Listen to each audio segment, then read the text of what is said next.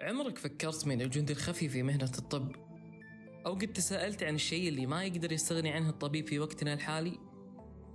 يمكن عرفته هي الأجهزة الطبية اللي تستخدم في علاج المرضى ومساعدة الطبيب بشكل كبير فتخصص الهندسة الطبية الحيوية هو التخصص اللي يجمع ما بين الهندسة والطب والهندسة الطبية هي تصميم وصيانة الأجهزة اللي بتستخدم في علاج المرضى واللي بتساعد الأطباء للتوصل إلى التشخيص الدقيق للحالات المرضية ومن ثم إيجاد الطرق المناسبة للعلاج وسرعة الشفاء. أهلا وسهلا بكم أعزائنا مستمعي بودكاست شعاع. أنا علي وتخصصنا اليوم هو تخصص الهندسة الطبية الحيوية.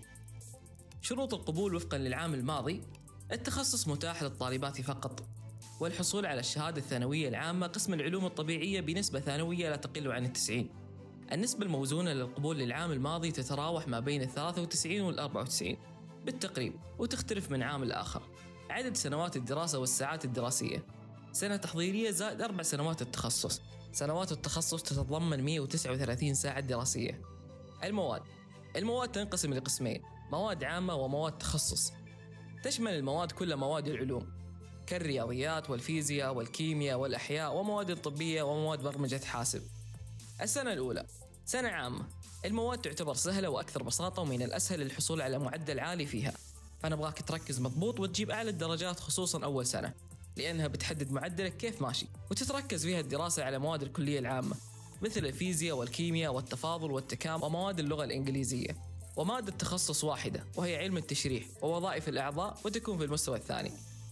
السنة الثانية والثالثة والرابعة تتركز فيها الدراسة على مواد التخصص مع وجود بعض المواد العامة.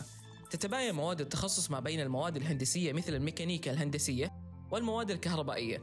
تتواجد بكثرة وتتشابه مع قسم الهندسة الكهربائية مثل الدوائر الكهربائية والإلكترونيات الطبية والمواد الطبية مثل المواد الحيوية والأجهزة الطبية. جهات العمل والوظائف. جهات العمل إما في المستشفيات أو الشركات أو المصانع ومجال التعليم وهيئة الغذاء والدواء ومراكز الأبحاث. الوظائف تنقسم لعدة أقسام. الصيانة الإشراف على صيانة الأجهزة الطبية في المستشفيات والشركات وكذلك المبيعات.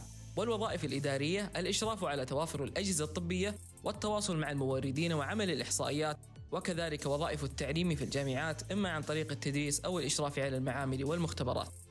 المهارات المتطلبة للتخصص المهارات الرياضية والحسابية وفهم المواد العلمية خصوصا مواد الفيزياء والرياضيات لتواجدهم بشكل مكثف. القدرة على الفهم والحفظ.